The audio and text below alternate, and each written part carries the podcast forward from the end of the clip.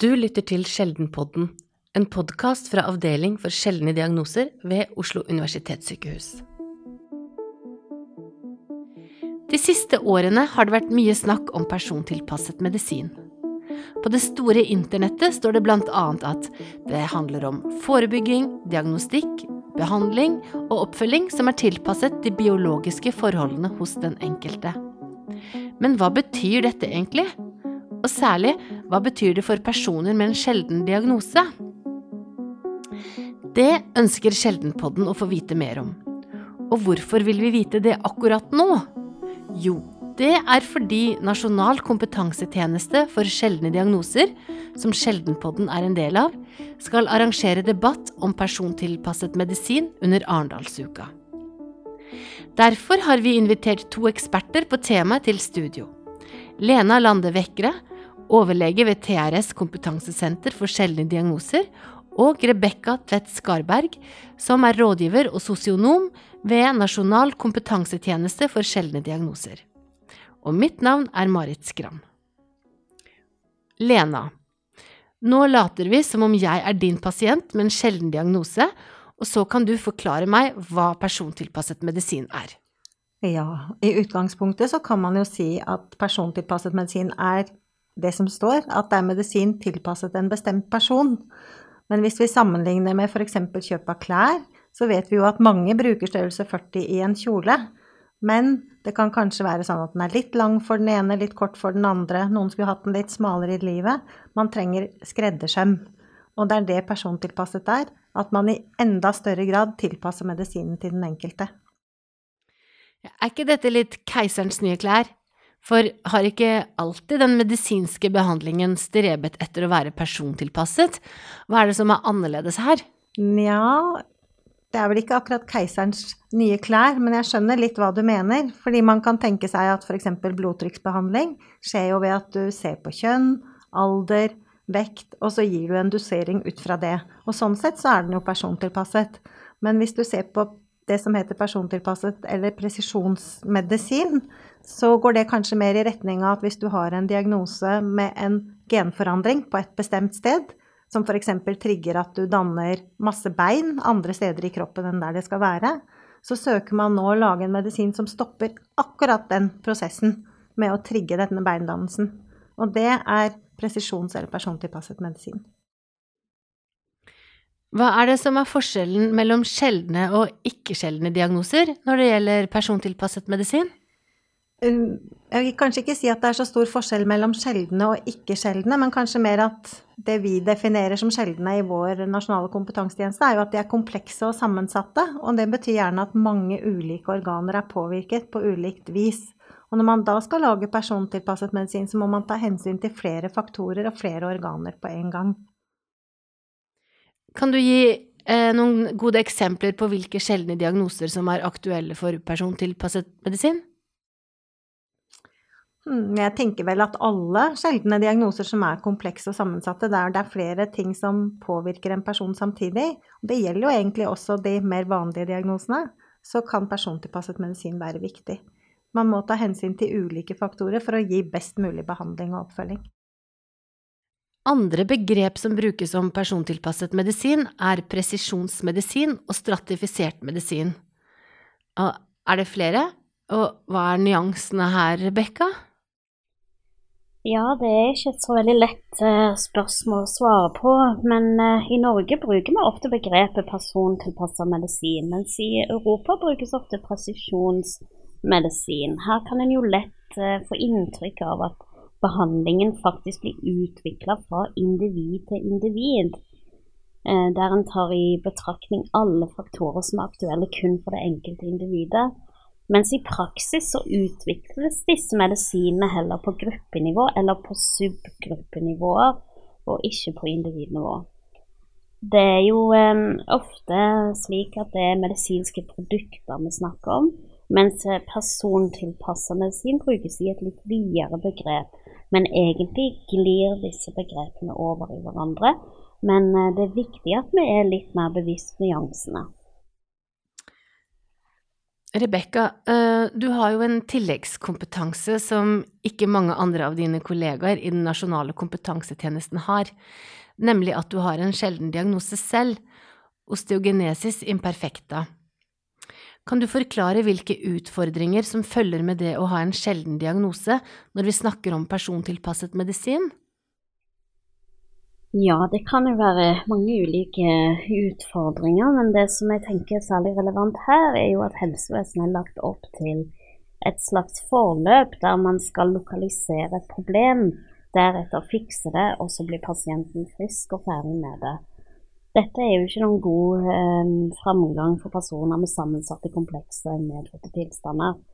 Eh, de fleste skal jo ha diagnosen sin livet ut, og etter hvert som årene går, så er det mer snakk om å opprettholde et funksjonsnivå og motvirke komplikasjoner fremfor det å lete etter en kur.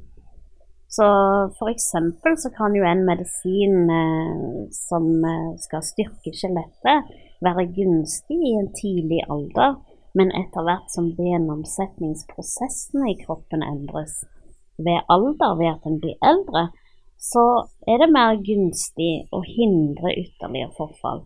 Og da trenger en skreddersydde medisiner som kan ta utgangspunkt i kroppens nåværende situasjon. Eh, Norge har søkt om medlemskap i ERN, Europeiske referansenettverk. Kan du fortelle oss kort hva ERN er, og hvilken rolle nettverket spiller i persontilpasset medisin? Ja, ERN står altså for Europeiske referansenettverk for sjeldne og lite kjente komplekse medisinske tilstander. Det finnes 24 ulike nettverk gruppert etter medisinske områder. Hensikten med nettverkene er å bringe fagpersoner og berørte brukerrepresentanter sammen for at de lettere skal kunne finne fram i det som ofte oppleves som en labyrint på sjeldenfeltet. Fagpersoner kan gjennom en sikker IT-plattform diskutere case de står fast i. De kan f.eks. jobbe med retningslinjer og guidelines. Ja, det skal fremme mer samarbeid. Dette er jo for å motvirke at pasienter sendes hit og dit på leit etter svar, eller på årelange runder i et hjelpeapparat kun for å få en diagnose. Og, og å motvirke at folk aldri får tilgang til en behandling eller en oppfølging Ganske enkelt fordi at de bor i feil land. Lena, eh, hva er den største utfordringen med persontilpasset medisin for de med en sjelden diagnose i dagens helsetjeneste? Jeg tenker jo igjen at de med disse sjeldne og sammensatte diagnosene med mange organpåvirkninger, ehm, de skal jo være sånn nå at persontilpasset medisin skal ha personen eller pasienten i sentrum.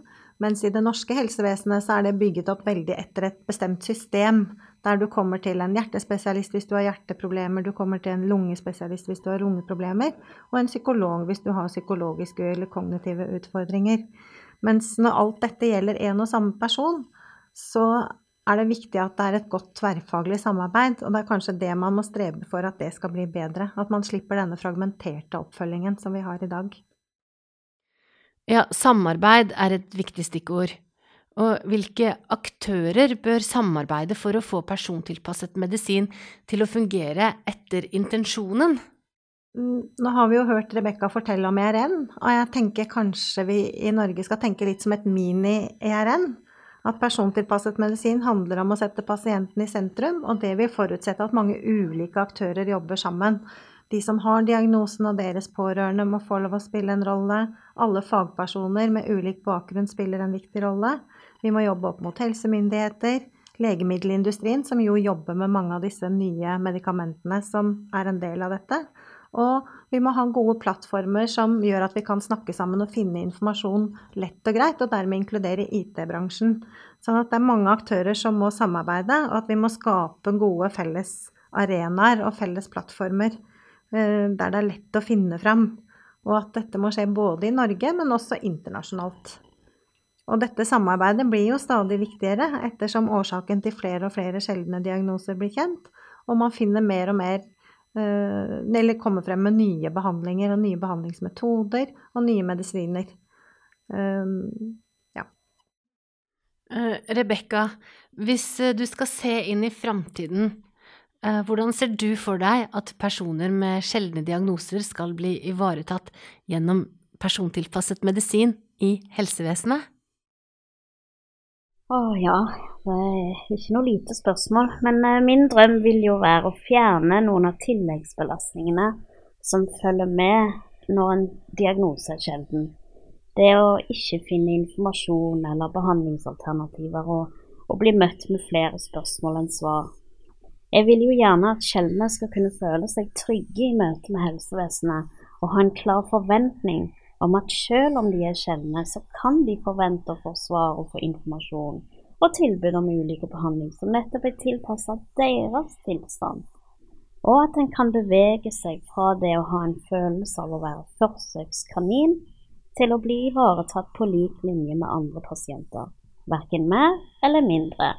Så selv om vi har en sjelden diagnose, som ofte medfører komplekse medisinske tilstander, må vi kunne ha en forventning om å bli ivaretatt ut fra samme standard som andre pasienter. Og her tror jeg at persontilpassa medisin vil spille en nøkkelrolle.